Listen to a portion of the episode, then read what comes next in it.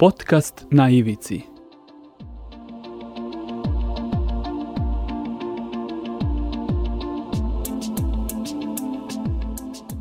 Na ivici. Pozdrav ljudi, otvaramo novu epizodu podcasta na Ivici koji se realizuje na portalu storyteller.rs. Vrlo sam e, srećan i zaista mi je drago što u današnjoj epizodi mogu da ugostim e, Ivanu Perić, koordinatorku SOS ženskog centra i psihoterapeutkinju, ako sam dobro zapamtio, jesam. E, dakle, Ivana, mnogo ti hvala što si odvojila vreme za gostovanje u podcastu na Ivici. Porazgovarat ćemo o nasilju, iako ću reći da si stručnjakinja i da ti je nasilje nad ženama onako, kažu, da kažem, uža specijalnost i eto i koordinatorka si u, u SOS ženskom centru. E, po tvom mišljenju, da li je nasilje tema na ivici? Da li se uklapa u koncept ove emisije u ivici u smislu da, da se nekako e, o toj temi govori kada se nasilje desi i onda se opet nekako pučina smiri? Dobar dan svima, hvala ti mnogo na pozivu, hvala ti na lepom predstavljanju, nadam se da je redu da budemo na ti, to jako volim. Jako važno pitanje i jako dobro povezivanje. Nisam do sada razmišljala o toj temi kao na ivici, ali mogu da se složim da jeste na ivici. Mi imamo jedan specifičan paradoks, a to je da kada su neki važni datumi, Međunarodni dan nasilja na ženama, nas uskoro čeka u 25. novembra, u tom mesecu svi govore o toj temi, od institucija do organizacije, odnosno organizacije se već povlače, odlaze u drugi plan i shvataju da to već nije prostor, one deluju tokom cele godine, ali gledajući medije ili generalno kako komentarišemo šta se dešava kada je u pitanju nasilje, uglavnom se nažalost time bavimo uh, kada se desi nasilje, nakon toga vrlo malo preventivno i kada se desi bude nekako interesantno za neko vreme i vrlo brzo zaboravimo. Nemamo taj kontinuitet zapravo i negovanje kulture ne nasilja kroz različite agencije socijalizacije, pa uključujući i medije. Postoji li neko društvo koje je imuno na nasilje? Evo, recimo, e, neki ideal demokratije su jel, države Evropske unije ili Kanada, Australija i slično, ovaj, taj neki zapadni svet, da, ali s druge strane dešavaju se i tamo različiti tipovi nasilja, tako da, eto, to pitanje, postoji li neko društvo koje je imuno ili ne postoji? Jako volim kad mi postavljaju dobra pitanja, onda sam uvijek inspirisana da odgovorim, tako da pohvala za tebe. E, šta razlikuje nas od razvijenih zemalja po pitanju, da kažem, pravnog ili institucionalnog sistema? Nasilje kao nasilje ljudski fenomen. Ja verujem dok god smo na ovoj planeti teško ćemo iskoreniti I od kad smo možda. Tako je. Jer ja, i to bih rekao da je jedna tema koja je i dalje tabu. Mi sve manje govorimo o ljudima kao o agresiji kao motivu ili agresiji koja je problematična, ne onaj benigni gde se nekad ranimo, i nasilje kao jedan viši pojam od agresije, koji uključuje agresiju i nešto više zato što ima pitanje moći i kontrole. Mi težimo moći, mi težimo kontrole, mi proizvodimo nasilje, nasilje činimo namerno. Čovek je jedina životinja, da tako kažem, na ovoj planeti koja je sposobna za nameru u nasilju. To je znao još Fromm kad je davao svoju teoriju, teoriju o ovom benigna i maligna agresija, e pa mi spadamo onu malignu, mi s namerom radimo nešto. Tako da nijedan država, koliko god je sjajna, ne može da zaustavi ljudsko ponašanje, ali šta oni rade, ono što je dobro stavljaju nešto pod kontrolu. I šta je još i dobro, što vi kada se desi nasilje, imate sistem koji će na to da odgovori. A, postoji jedan takozvani e, škotski model rada koji istovremeno uključuje rad sa počinjacima, sa žrtvom i sa decom nezavisni stručnici rade sa različitim, sa počinjacima, sa decom i sa uh, majkama, odnosno sa žrtvama nasilja i onda ti servisi razmenjuju informacije po pitanju nasilja, rizika, prave plan intervencije, upućuju na dostupne institucije, prate situaciju. Um, nema kao kod nas da se prvo utvrdi da li je izazvala, da li je sprovocirala, da li uh, je tu cilju manipulacije, nego se odmah prihvata da to jeste nasilje, zna se kako se sa tim postupa, nema tog minimizovanja i tako dalje. Mislim da je nama ovde puno još treba vremena da, da naučimo, mi profesionalci, stavimo sebe u taj kontekst, da razumemo dinamiku nasilja. Tako da dobre sisteme odlikuju to što imaju adekvatan odgovor, naravno i oni unapređuju i rešavaju, ali uh, efikasnije su u zaštiti. Ovo mi liči na ono što je rekao Rambo Amadeus, ako znaš tu rečenicu, kao, na prim, uklapa se u priču, kaže, nacionalizam je tema do 300 evra mesečno primanja. Kad pređe 1000 evra, onda počinješ da razmišljaš, ne znam, o zdravoj hrani, lepoj književnosti i tako, a kad pređe 3000 evra mesečno primanja, on te kaže, prestaje svako palamuđenje i razmišljaš samo o ljubavi o nekim lepim stvarima, hedonizmu, hajde tako da kažem. Jako dobro i ima smisla. To tako je neki kako da kažem, poveznica, e, e, jedno društvo, drugo društvo, kako zapravo to... Da, kod da. nas je dosta toga vezano za, sa tim ekonomskim faktorom. Da. Uh, on nije glavni uzrok izvor nasilja, ali vrlo često je okidač i vrlo često dok ne rešimo neke druga pitanja, ni pitanje kulture ne nasilja ne, ne izbije u prvi plan. Upravo mm. ovako kako si ti rekao po tom nekom redosledu. Da. Uh, eto, opet ću povezati sa tim, dakle, e, i na, nas, na nasilje reagujemo otprilike e, kada se ono desi u našoj neposrednoj blizini. Da li je to naša porodica, komšiluk već donekle, ali čim se to malo više širi, ovaj, neki dalji kontekst, tu možda eventualno nešto prokomentarišemo, hvala Bogu, na društvenim mrežama i otprilike se otprilike taj uh, društveni angažman, odnosno E, ljudska nekakva e, potreba za bavljanje ovim, ovom problematikom manje više završava. Takav imam utisak. Tako je, upravo. Ne znam šta bih na to dodala. Bilo je odlična kampanja UNDP-a vezano za komšinice kako ste. Jako je, ne UNDP, UN Women. UN Women je radio tu kampanju, ja mislim, je li neko od tih UN agencija, a, vezano za to komšinice, kako ste, baš da se obrati pažnje na to, a, da ne čutimo na stvarima ko, koje se dešavaju oko nas. I sad, e, negde e, kada se desi nešto što nije oko nas, kao što si pitao, mi obično imamo onaj fenomen distanciranja, pa neće to meni da se desi. To je psihološka odbrana od e, strašnih stvari ili saznanja, jer Problem sa nasiljem što je nasilje trauma, a za sve traumatizovane događaje ljudi imaju prirodnu tendenciju da se brane od toga, da neće da čuju, da, da misle da se to ne dešava mm -hmm. drugim ljudima ili da se njima neće desiti, da imamo to uverenje koje nas štiti, to se neće desiti meni u nekom bližem.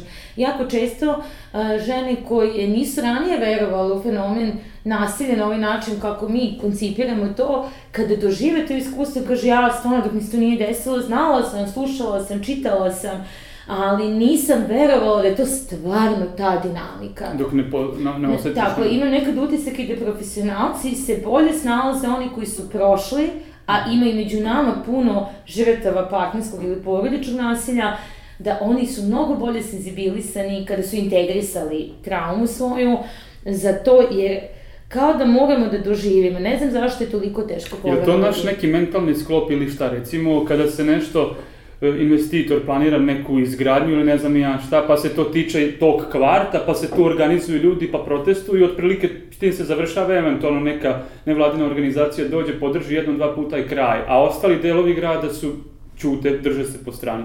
Kao ono otprilike, znaš, ne tiče me se to se dešava na podbari ili se dešava na limanu, ne dešava se na satelitu ili šta. Apsolutno se slažem, ali da nazovemo to društvena odgovornost ili svest o društvenim tokovima ili o društvenoj participaciji i aktivizmu. Dosta smo pasivni, mm -hmm. nismo e, dugoročno generacijski, tek od ovih vaših generacija, mlađih generacija imamo to obrazovanje za nekako participativno delovanje, demokratske promene, u pravom smislu reči demokratije, ne ovo politički gledano mm -hmm. šta je demokratija, ali opet to su motivisani pojedinci, motivisani grupe mladih ili druge neke grupe, nemamo kolektivnu kulturu e, aktivnog učestovanja kao građane ili građanske u važnim pitanjima koje nas se tiču.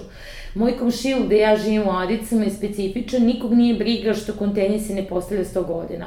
Najvažnije je samo da se otuđi deo ispred zgrade i da se istaknuči sa komšijama, ali to što nemamo svet ulici koje je pitanje opšte bezbednosti i moje i drugih i dece ili kontenje gde se preplavljaju pa se pravi mala deponija, Kao da se niko, čekamo da Ne neko reši, a niko ne pokreće inicijativu, kao da nas se ne tiče. I onda je to model koji se prenosi nadalje. Kao da se, aha, neće to nama da se desi. Kao da ne razumem, ako ja pomognem prava LGBTQ osobe, iako ja nisam iz te populacije, to je način da se ja borim i za svoja prava. Isto, tokom korone to je bilo najviše vidljivo. E, zašto? Zato što su ljudi počinjali da se bune onog momenta kada njima bilo nešto uskraćeno. Ljudi koji imaju kućne ljubimce ili tako dalje. A nismo se bunili kolektivno. Kao da se nas nije tit, nego tek kad se nama desi, e, onda se bunimo. Da. Kao da ne Svaka razumemo... društvena struktura za Tako sebe, je, da. mehanizam da. ako ja protestujem protiv nečega, to, a, iako se možda meni lično ne tiče, to znači da se ja borim i za nešto što će se mene kasnije ticati, pa će me neko drugi podržati. Jer borba za ljudska prava je kolektivna i a, povlači mnogo toga. To, su, to je onaj efekt koji mi često ne vidimo. I upravo, jako si to dobro rekao, mi stvarno delujemo samo kad nam je tu i ostalo kao, ne znam, ne- nekako, kao da nemamo Rešava svest. ili Tako je. da, da. A sad smo malo, e, sve to zapravo povezano, ta Tako i, je. i društvena struktura i mentalni sklopovi sa, eto i današnjom centralnom ovaj, e, temom nasilje kao takvo. Hajde da popričamo i o tome, recimo, e, eto, mladi ljudi prosto znamo kakvi su trendovi i e, kakvu, recimo, muziku mladi ljudi slušaju i e, šta se u toj muzici preferira i vrlo često na YouTube-u, recimo, e, e, neki snimci, videoklipovi, spotovi, kako god da ih nazovemo, za vrlo kratko vreme imaju milionske preglede, a tu se uglavnom veli, veliča, ne znam, droga, nasilje, e, prostitucija, dakle ono nešto sa, sa zapravo dna, što bi trebalo bude na dnu neke društvene lestvice i to. E, kako to zapravo je isplovilo na površinu, m, iskrivljen taj sistem vrednosti i na koji način je to sad opet poveznica, a, ovo pravimo, to izaziva nasilje, nasilje potražuje zapravo takve stvari da se snimaju i medijski eksploatišu taj neki začarani krug. E, nasilje je jako visoko promovisano kroz mainstream kulturu, ako tako nazovem, meni to nije kultura, ne kulturu, neki šodi kič koji postoji jako dugo, ali sad baš u ekstremnom obliku. Recimo, uzet ćemo za primjer ovog, e, ja sam neko radila vreme sa decom, pa im je bilo najpopularniji Rasta koji ono javno, ne znam, u spotu šmrče kokain mislim da sam gledala tako neke spote, pošto sam pratila sve te sadržaje, da sam s decom učila da ih naučim i stvarno kad im se daju smernice, radila sam još sa romskom decom, zašto nešto nije dobro, oni obrazloži kad im se da smernica šta on u spotu, koga vređa, kome se obeća, kako žene naziva, oni sami krenu da i u jednom momentu su napravili tonu zabranjenih pesama, kad im se malo da smernica, ali niko ne radi sa mladima na taj način, ne objasni im se, nešto se plasira, šta oni zapravo vide, popularnost. A šta, a sve što je sredstvo popularnosti, a šta je popularnost je društveno prihvatanje. A šta je društveno prihvatanje? Pa osnovna ljudska težnja, da budemo prihvaćeni, voljeni, da pripadamo, da nam se dive, da ostavimo nekako afirmaciju.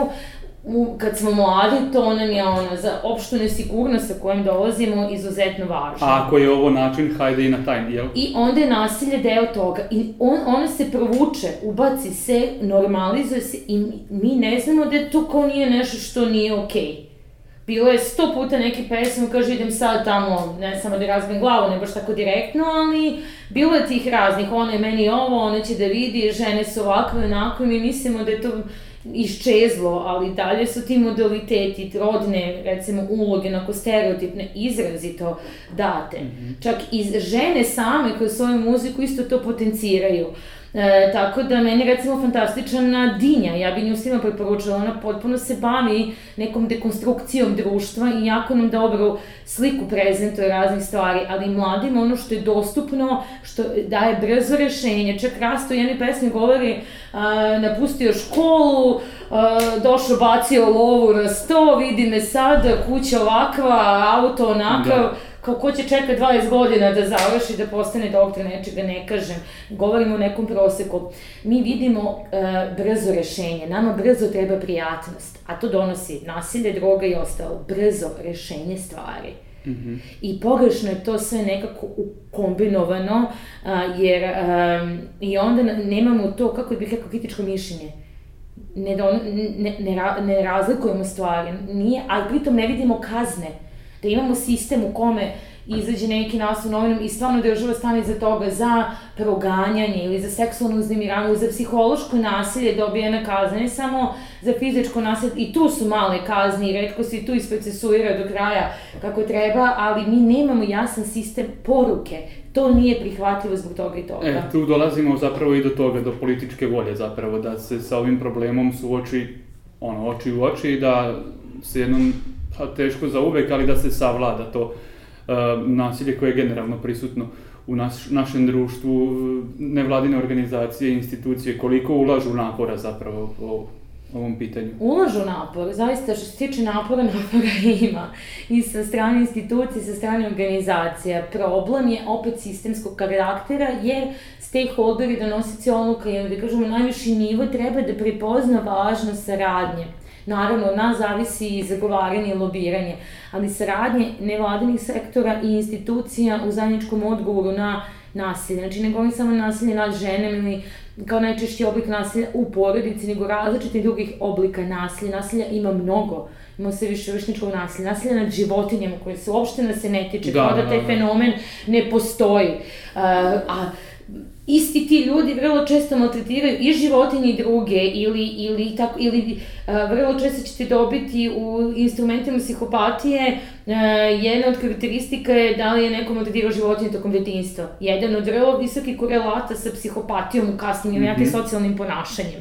Znači, ako želimo da zaustavimo nasilje, da se bavimo kore, korenom i da se bavimo svim, znači celo, celokupno, ali da se... Uzrocima zapravo na neki način. teme, znači, nijedno nasilje nije dopustivo. Zašto? Zato što znamo da nasilje uništava nekoga, životinju ozbiljno, ljude takođe, psihosocijalnu i fizičku dobrobit.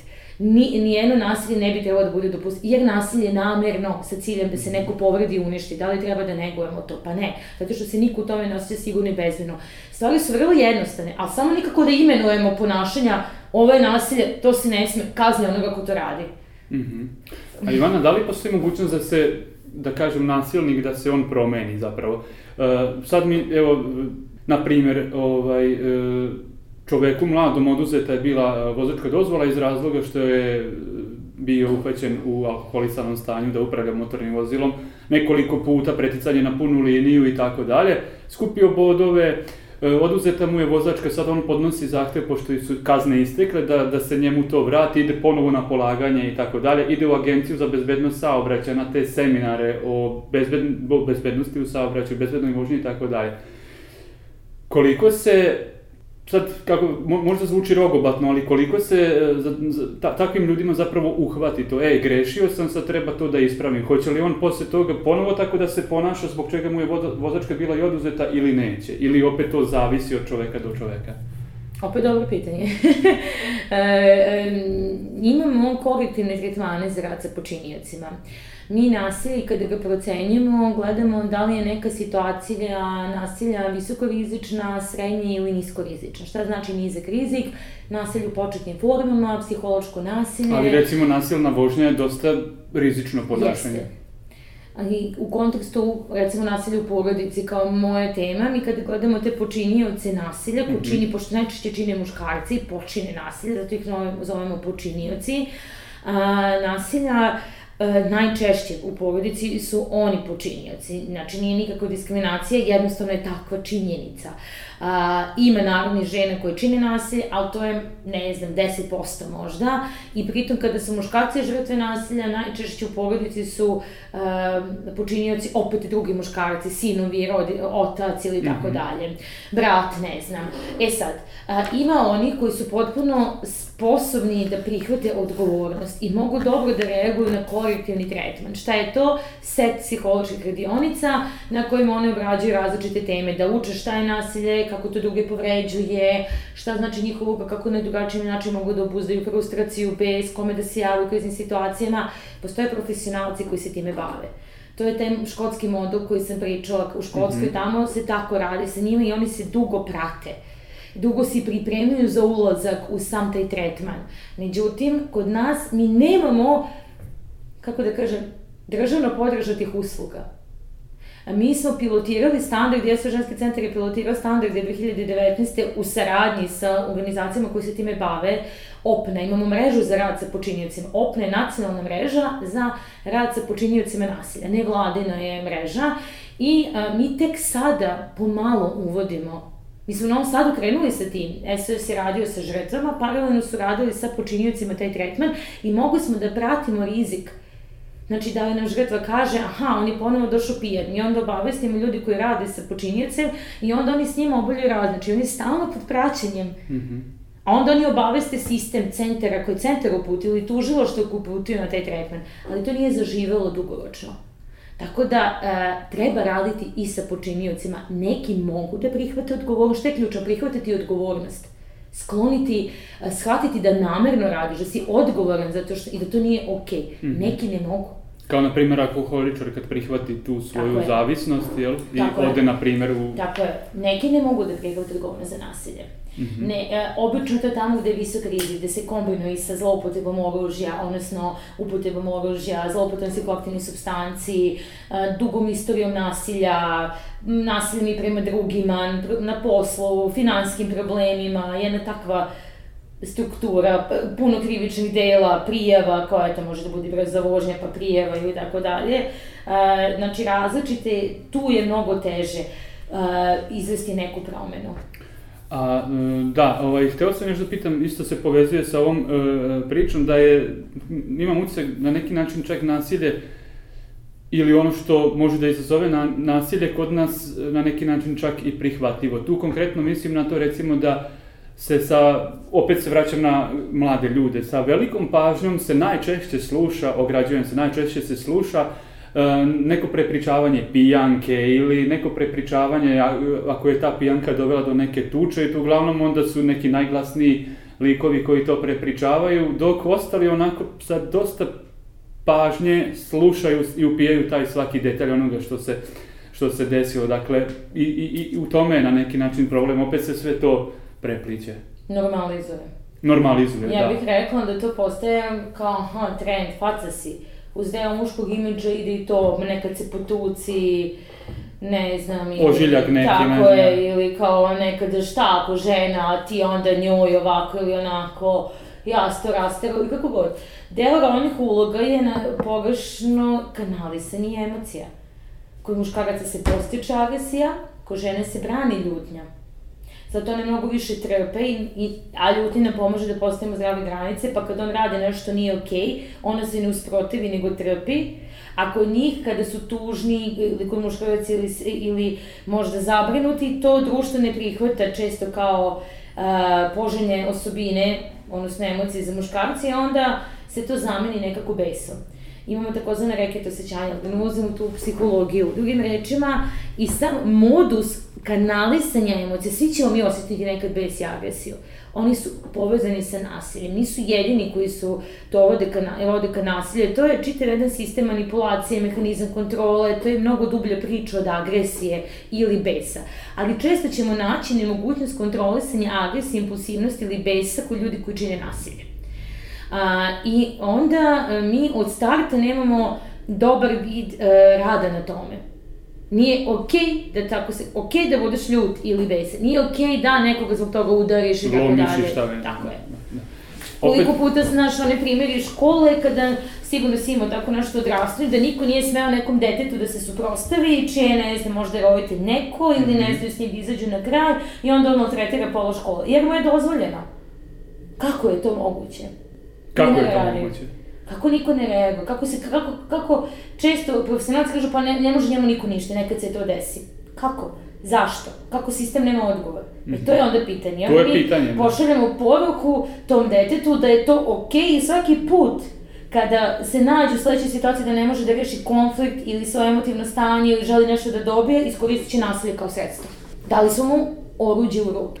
A kako recimo, evo sad kad smo već to pomenuli, ovaj, komentarišeš i sam, sam uh, školski sistem danas kako je koncipiran i to da zapravo su učenici ovaj, uh, imaju praktično mnogo privilegije i tako dalje, za razliku od ne kažem, ne, ne opravdavam zaista nasilje i to kada je zaista profesor na neki način i bio autoritet u toj učionici i mogao je da imao je opet neke instrumente na neki način da po znacima navoda kazni učenika? Mislim da mi podlažemo, kako smo ranije podlegali trendu autoritativnog vaspitanja, Mm -hmm. pa to je ono bilo uh, pravično strogo. Batina iz raja izašla. ja. pravično strogo, volim te ja, ne kažem ti, ali budi dobar čovek Mhm. i kao zahtevi kod ljudi koji su onda psihološki doveli do raznih neurotičnih stvari, anksioznosti, pre svega i tako dalje, a sad imamo generalni trend permisivnog ili popustivog vaspitanja, pa samim tim i škola, kao agent socijalizacije, agenci socijalizacije su porodice, medije, škole i tako dalje, E, e, a izvori su društva i kultura, e, negde isto podlože tome. Mislim da je uvek pitanje neke zlatne sredine. Kazna treba da bude smislena i da se iz nje nešto nauči. Imamo nagradu za ponašanje i kaznu koja onda treba negde da stopira ponavljanje, onda ponašanje ne vodi pozitivnom ishodu i onda od njega treba odustati, ta, a ta kazna tome služe. Sad treba biti vešto osmišljavanje neke kazne. Ali ako nema neko pravo da da nekakvu kaznu ili roditelji nisu se radili u tom kontekstu, onda smo u problemu. Protiv ne mislim na vikanje što je zabranjeno neku fizičku kaznu, nego jednostavno postoji kazne i te kako su smislene i poželjne u nekom razvoju. Isto tako može da bude zamena za neko uh, konstruktivno ponašanje. Ha, uradio si ovo sad ne znam, baviš se dobrotvornim radom neko vreme. Ja vrlo podržavam takav neki sistem, mm -hmm. prosocijalni, negovanje prosocijalnog ponašanja. Uh, ljudima u školi danas treba mnogo podrške. Uh, ima tu mnogo problema nerešenih, od ekonomskih faktora, sistematizacije rada, manje ljudi nego što je potrebno, nerešenih pitanja ugovora i tako dalje. Jedno generalno škola kao škola je izgubila nažalost na značaju kao taj neki agens ili izvor socijalizacije. I mislim da tim ljudima tamo zaista treba puno podrške. I edukacije i tako dalje, ima silnog prigorevanja, Tako da nekako uh, pitanje, ako sam dobro razumela, mi da bismo negde stigli do naših prava, prava su nam svima data, neutuđiva su, dobro s rođenjem, nekad moramo malo da naučimo odgovornost. Da. Često se srećem sa onim imam Prava i pravo. obaveze, da. Da, znači mladi nekada dan imam pravo, pravo, pravo, ja sam bitan, ja sam važan, ali nema iza toga... Ne postavljaš pitanje, Tako da. je, nema neke pozadine iza toga, nema realnog argumenta. Valjda bi trebalo da naučimo mlade i prihvatanju sobstvene odgovornosti ili generalno odgovor, ali to je deo po deo, u tome svi učestvujemo. Opet dolazimo i do toga, recimo, eto, znamo dobru priču o klanu Belivuka, ovome, onome, o tribinama, huliganima na sportskim ovaj, e, zdanjima i tako dalje. Opet se to e, medijski eksploatiše i možda mu se posvećuje i više pažnje nego što bi trebalo. Ja se sećam još sa predavanja profesora Kokovića koji mi je na, na, na fakultetu predavao sociologiju i sport. Upravo o tome je govorio da huligani prosto e, njima imponira zapravo ta medijska pažnja i ako je ono što oni naprave, e, ne znam, razlupaju pola grada ili bilo šta, ukoliko je to medijski propraćeno, njima to baš i odgovara. Tako je, to su sve... Mi svi imamo potrebu za pažnjom i potrebu za verifikacijom svoga postojanja. Nekad je to na dobar način, nekad je to na destruktivan način. Način nekada postojimo i da budemo destruktivni. A, to sam puno viđala kod romske dece, nažalost, jer oni od kako se rode u starta bivaju izloženi nasilju i njihov mehanizam nekada da prežive ponovo to nasilje. Mi stalno, um, najveća greška je odgovoriti na nasilje nasiljem, a jako je teško odgovoriti ne nasiljem. I onda je to jedna čitava zavrzlama. Zašto te mlade ne usvrimo ka tome da je fantastično podići park ili obnoviti šumu? To nije tako privlačno. Zašto? Nismo im pokazali nismo stavili vrednost toga. Najlakše je dobiti neku, kako bih rekla, negativnu popularnost uh, u tim segmentima koji su, mladi su zloupotrebljeni u tom kontekstu. Kad govorimo o tim grupama navijača, izuzetno su izmanipulisani, izuzetno su zloupotrebljeni. Zapravo oni ne znaju za, Tako je. šta radi u tom. Šta je osnovna potreba da pripadamo? U tome se osjećamo sigurno. Isto sam negde bio pročitao neki članak o tome kako smo postali društvo, ne znam, kladionica i apoteka. Apoteka u smislu zbog tableta nekih ili Da, da. Da li ja sedativa, da li Da, bilo jedno čega. sam pročitala u jednoj ženskoj grupi, ova čuvana grupa Novosađanke, Trač grada, je neko stavio mm, Bensedin torta neko je napravio i stavio i sve su se tome smejale, kao srpska torta, ha ha, i kao kao i bukvalno crna komedija, kao Dušan Kovačevića, on, je film crne, tako se zove Ugnebesna tragedija, tako otprilike scena za Dušana Kovačevića, i kao da toliko ljudi, i tačno znam da se puno uzima na svoju ruku. Bensedin jeste srpski mlek, nažalost, tako da ima to smisla što kažeš nisam znala da je tako, ali da, šta mi nudimo? Gde vidimo sadržaj za mlade? Da. Gde vidimo radionice ili kao koliko je to njima dostupno ili privočno. Influencer jedan danas dobije mnogo više pregleda za neku, ne znam, stavio je ono nešto na glavu i dobit će 100.000 pre, pregleda, ali pokušamo da kažemo da, bilo bi super da negde volontiraš, zato što volontiranje čini da se razvijaš, bit će zabavno mm. i zanimljivo onim mladima koji već imaju potencijal da rastu i rad, mm -hmm. razvijaju se na taj način. Kad smo već kod toga, eto, društvene mreže, koliko su one zapravo oruđe za korisne i koliko su dobro oruđe za ovaj, prezentovanje nekih pozitivnih vrednosti, a s druge strane opet sredstvo za, eto, šta se najviše prati, koje, ko, kakvi sadržaj. Pobedi ih njihovim oruđem. Da. ja bih rekla da je to, mi ne možemo da budemo mimo društvenih mreža kada su te cini grupe u pitanju hteli ne hteli, sve se dešava, ja i TikTok ne pratim stalno, niti želim da se na to uključujem, previše godina imam, ali vidim da je to ne kanal, ako je to dobar kanal komunikacije, znam da su neko udruženje napravilo svoje te naloge na TikToku i tako se obraćaju i to ima smisla. Recimo nama Instagram za mla, mnogo popularniji kad je u pitanju populacija mladih nego Facebook jako je važno da se prilagodimo trendovima, da, da. njima, da nas čuju. Mm -hmm, mm -hmm i, i negde, mislim da je Novi Sad dobar u tom kontekstu, stvarno ima snažnu kulturu volontiranja. Mnogo organizacija, puno mreža, puno aktivnosti za mlade, tako da, da, da je to jedan, da, eto i to je jedan način, ali e, i da, definitivno društvene mreže na njima treba biti aktivan. Voleo bih da pomenemo svakako je SOS ženski centar i tvoj angažman, eto, ovaj, isto sam, ovaj, bilo je istraživanje o tome da je tokom pandemije i lockdowna da je bio povećano nasilje i porodično i nad ženama. U međuvremenu kakve su, ovaj, kakva su vaše iskustva i u ovom vremenu SOS ženski centar, dakle, šta pruža, tu su bile sad tokom septembra i leper ciklus lepih radionica o partnerskom odnosu Ne, jako sam ne pohvalila tu školu partnerskih odnosa, ali opet posjećam da si bila manja od one koje smo očekivali. Mi smo stvarno možda duplo veći broj računali, ok, bilo je 10-12 učesnika, učesnice po radionici, bilo je i muškaraca, jako ih pohvaljam ovom prilikom.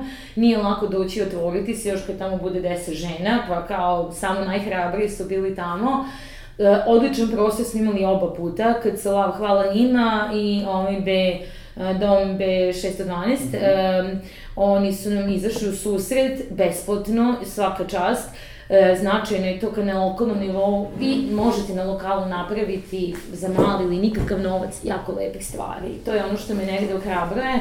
A građanske inicijative su nam podržale taj rad ka građanima i građankama. Deo je toga, mi ćemo tu školu nastaviti i sledeće godine, i poučeni iskustvom ove, da nešto napredimo, ali teme su bile dobre, stavili smo online dating i razne teme smo imali o ljubavi, zaljubljivanja, pa nasilje smo provukle kroz te koncepte, da ne bismo samo o tome pričale, Tako da bi trebalo češće da bude takvih događaja. Da to bude kao neki kontinuitet ili neko mesto gde mladi znaju da mogu da dođu i da se informišu o tim temama. Mm -hmm.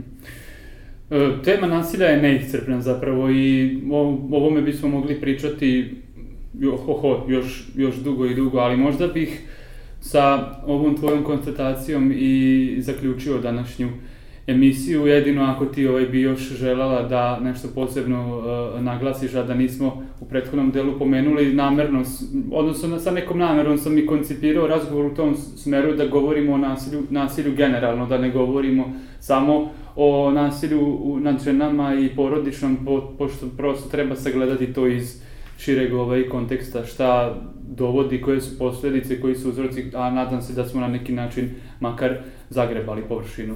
Ja mislim da poslala jednu poruku, da svako ko se osjeća pored nekoga nesigurno, nesrećno, poniženo, uvređeno ili nekom strahu da prati svoj subjektivni doživljaj. To nam je prvi znak da nešto nije u redu kada govorimo o nekom partnerskom odnosu.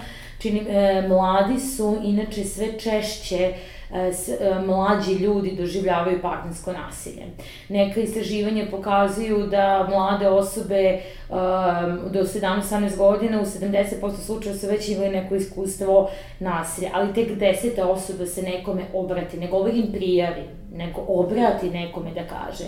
Tako da partnersko nasilje se ne dešava samo odraslim osobama i izuzetno je prisutno u vezama to je ono dating violence, tako se zove. Uh, apelujem na sve ko, ko primeti neke takve znake da se obrati za podršku, jer negde je to prvi korak ka izlasku iz situacije. I hvala ti mnogo na, na ovom divnom podcastu. Hvala tebi Ivana, hvala ti što si odvojila vreme i na ovako iscrpnim ovaj odgovorima. Eto ljudi, to bi bilo sve za danas. Mi se čujemo ponovo sa novom pričom sledećeg meseca.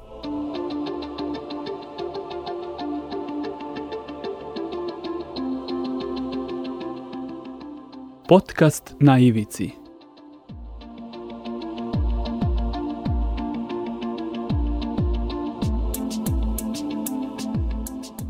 Na ivici. Ovaj podcast je nastao zahvaljujući finansijskoj podršci građana i građanki u okviru kampanje lokalnih medija Tačka okupljanja Nezavisnog društva novinara Vojvodine.